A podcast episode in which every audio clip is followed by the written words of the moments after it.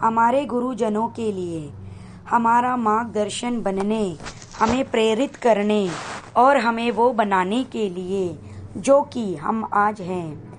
गुरुजनों के श्री चरणों में श्रद्धा सुमन संग वंदन, जिनके कृपा नीर से जीवन हुआ चंदन।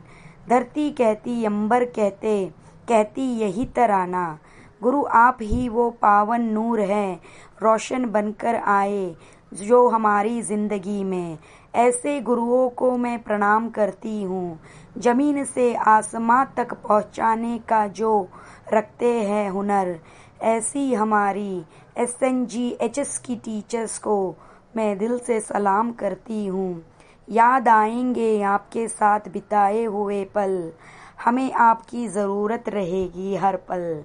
धन्यवाद।